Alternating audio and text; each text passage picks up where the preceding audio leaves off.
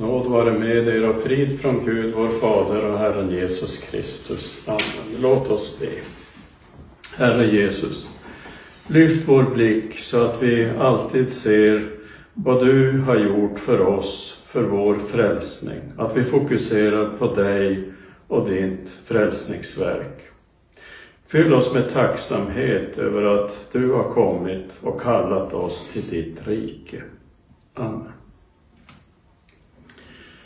Ja, nyckelversen i Lukas evangelium, det är den sista versen i evangelietexten för idag, alltså 1910.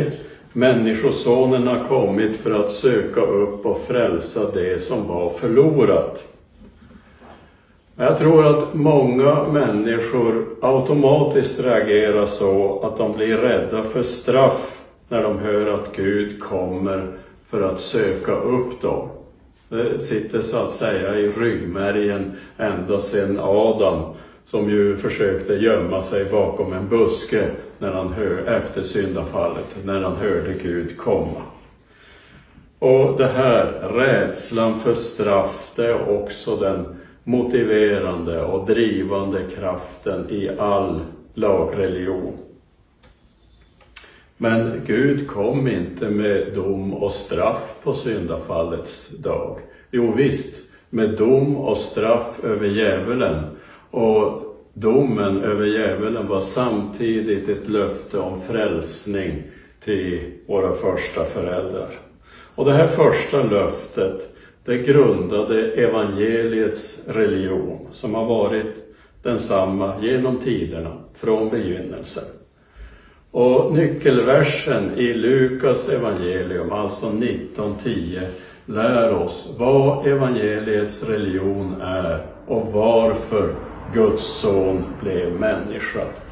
Till Människosonen har kommit för att söka upp och frälsa det som var förlorat.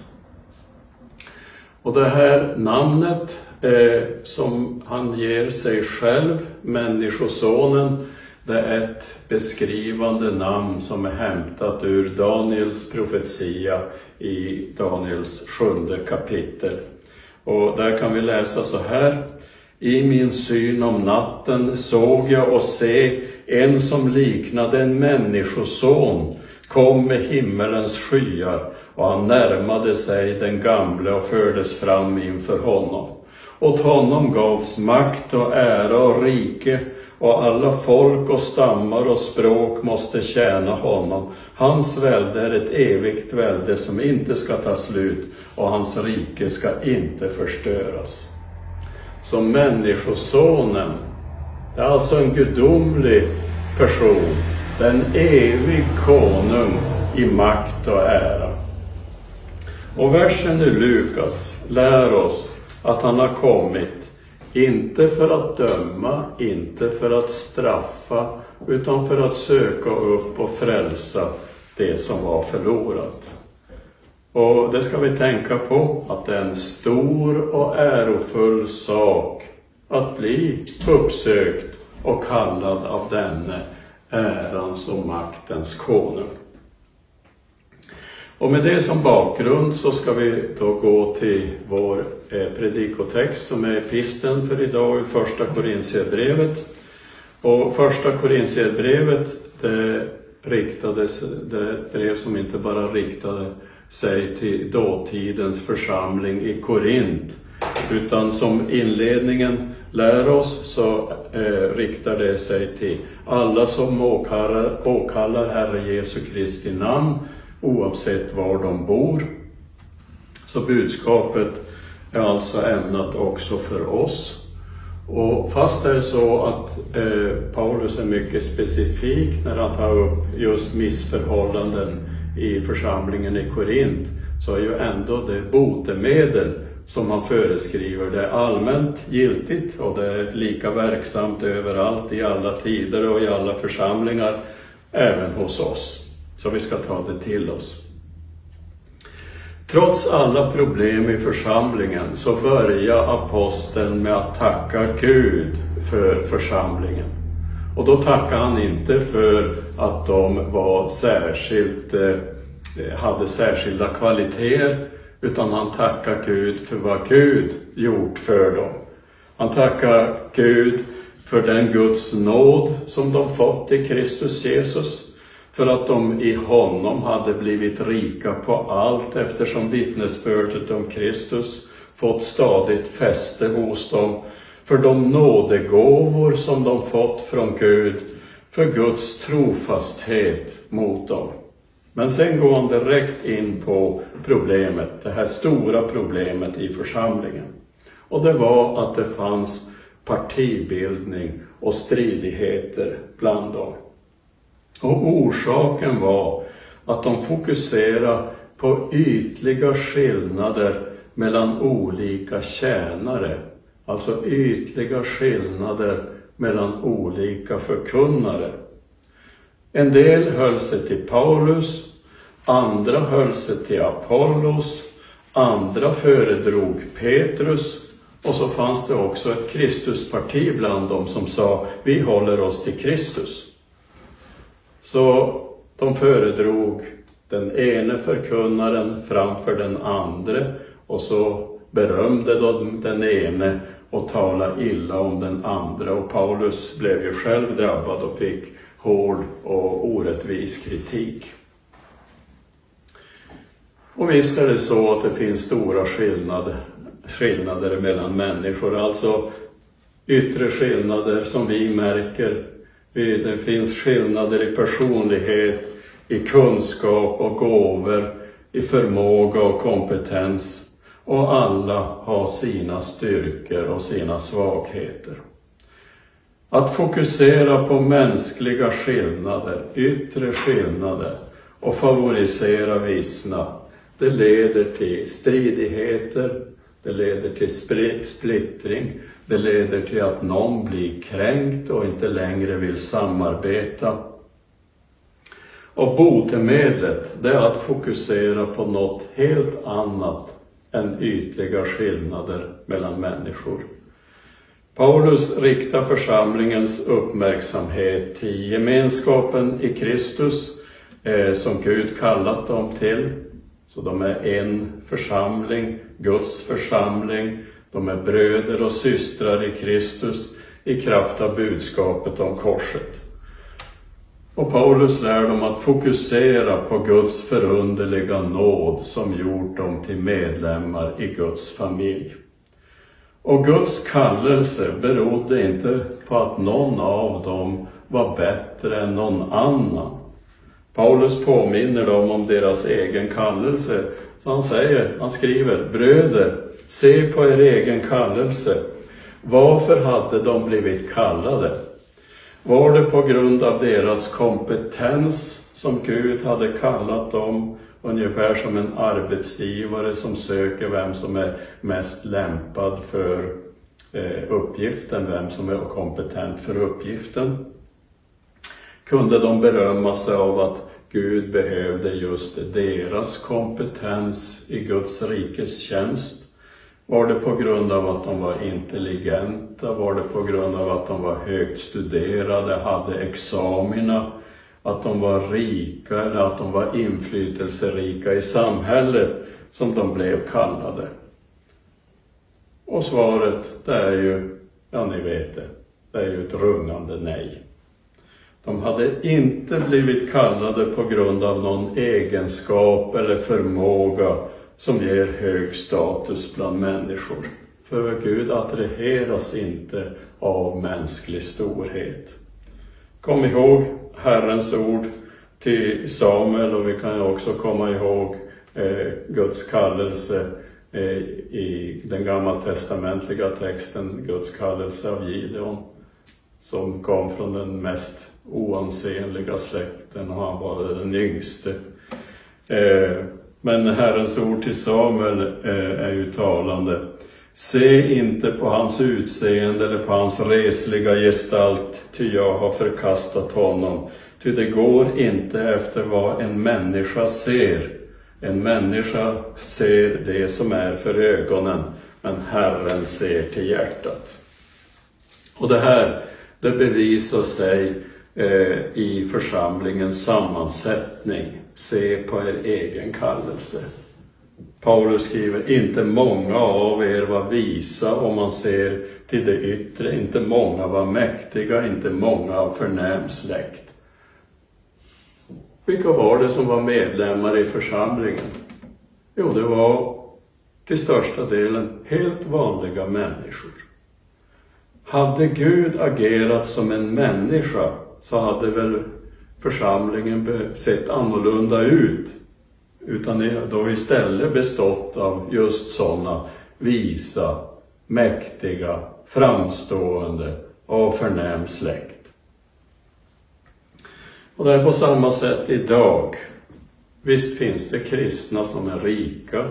Visst finns det de som är högt studerade, har höga examina, de som har en maktposition i samhället eller på ett eller annat sätt utmärker sig. Men församlingen består till största delen av helt vanliga människor. Och i världens ögon så är vi ju inte ens helt vanliga människor, utan vi är dåraktiga och svaga. De anser oss helt enkelt lite för dumma, lite för efterblivna för att förstå forskningens rön om människans ursprung, om livets uppkomst och utveckling. De anser oss lite för hämmade eftersom vi vill lyda Guds bud. Lite för trångsynta egentligen för att uppfostra våra egna barn. Att vi visserligen har lyckats bli läskunniga men ändå lite för dumma för att förstå bibelforskningens rön om hur Bibelns sagor och myter har växt fram. Och vår tro på budskapet om korset är väl bevis nog på vår svaghet eller vår dårskap.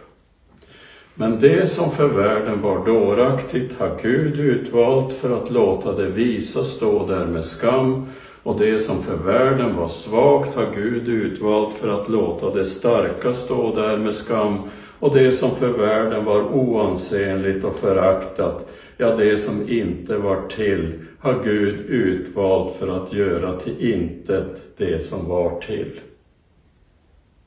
Så det som för världen eh, ansågs dåraktigt, svagt, oansenligt, föraktat, det är just det Gud använder till sin ära. Så på ett sätt är vi kristna lika det budskap som vi tror på och som vi vittnar om. Till detta budskap om korset är en dårskap för dem som blir förtappade, skriver Paulus. Och det gäller ju ungefär samma sak för oss som tror på det budskapet och vittnar om det budskapet. Så världen kan håna oss som tror på Bibeln och anse oss lite efterblivna. Men Gud har valt att använda sin lilla, oansenliga, föraktade flock för att utföra sina under. Och han har gjort det av en speciell anledning. För att ingen ska berömma sig inför Gud. I skriften så gör Gud oss mycket väl medvetna om att det inte finns någonting i vår natur, i vår förmåga, i våra gärningar som gör oss värdiga att bli medlemmar i Guds familj. Just av den anledningen, för att ingen ska berömma sig inför honom. Människor bedömer ytliga skillnader, men vi ska komma ihåg att inför Gud, som ju ser till hjärtat, så är vi alla lika. Vi är alla orena. Alla våra rättfärdiga gärningar är som en smutsig klädsel, skriver Jesaja. Alltså alla våra rättfärdiga gärningar, de gärningar som vi är mest stolta över, vårt allra bästa, det är som en smutsig klädsel. Men eh, Paulus på, har inpräntat vår ovärdighet så vänder han sen vår uppmärksamhet till vad Gud har gjort för vår frälsning. Så vi ska lyfta vår blick och vi ska fokusera på Guds nåd i Kristus Jesus. Och Guds syfte med det, det är att fylla våra hjärtan med glädje och tacksamhet och frid genom tron på Guds nåd i Kristus. Så Paulus skriver, honom har ni att tacka för att ni är i Kristus Jesus, som för Gud har gjort oss, eh, som, som, för, som, som Gud för oss har gjort till vishet, rättfärdighet, helgelse och återlösning för att det ska ske som står skrivet, den som berömmer sig ska berömma sig av Herren. Så det är enbart Gud vi har att tacka för att vi har kommit till tro på Jesus. Gud ensam källa, Gud är ensam orsak till att vi har fått rätt att bli Guds familj och att vi får räknas till som Guds barn. Gud ensam ska ha äran för att vi har blivit förda in i den här välsignade gemenskapen med ärans konung, en gemenskap som varar i evighet. Vi kan inte av egna krafter komma till Jesus Kristus eller tro på honom, utan den helige Ande har kallat oss. Han har gett oss den frälsande tron genom evangeliet i ord och sakrament. Och så fortsätter han och bevarar oss i den rätta tron genom samma medel. Och kunskapen som han ger oss, kunskapen om Jesus Kristus, vår frälsare, den kunskapen är värd mer än allt annat. Det är Guds vishet som ger oss en rikedom som inte går att köpa för pengar, hur än rik man är, som inte går att byta mot guld eller silver, det är den rikedom som består i rättfärdighet, helgelse och återlösning i Kristus. Och alla de här rikedomarna har Gud gett oss av nåd, helt gratis. Och det har skett för att den som berömmer sig ska berömmas av Herren. Och det här det är den rätta medicinen mot stridigheter och partibildning bland kristna. Det finns ingen som är bättre än den andra. finns ingen anledning att upphöja någon och att nedvärdera någon annan. finns absolut ingen anledning att hävda sig själv. Fast ingen har något att berömma sig av så kan vi ändå vara fyllda med glädje och tacksamhet och frid och tillförsikt och gott mod och frimodighet. För vi har anledning av att av hela vårt hjärta tacka och lova Människosonen, den evige konungen, konungen i makt och ära, som kommit för att söka upp och frälsa syndare. Och vi kan med full frimodighet förkunna budskapet om Guds kärlek och frälsning i Kristus. Budskapet om korset, det må vara en dårskap för dem som blir förtappade, men för oss är det Guds kraft och vishet. Amen. Låt oss så be. Herre himmelske Fader, fyll oss med glädje över din förunderliga nåd i Kristus Jesus. Hjälp oss inse vår ovärdighet så att vi inte lever för att hävda oss själva. Fyll oss samtidigt med glädje över de himmelska skatter som du ger oss för Kristi skull och gör oss frimodiga att vittna om korset fast det väcker förakt hos många. Amen.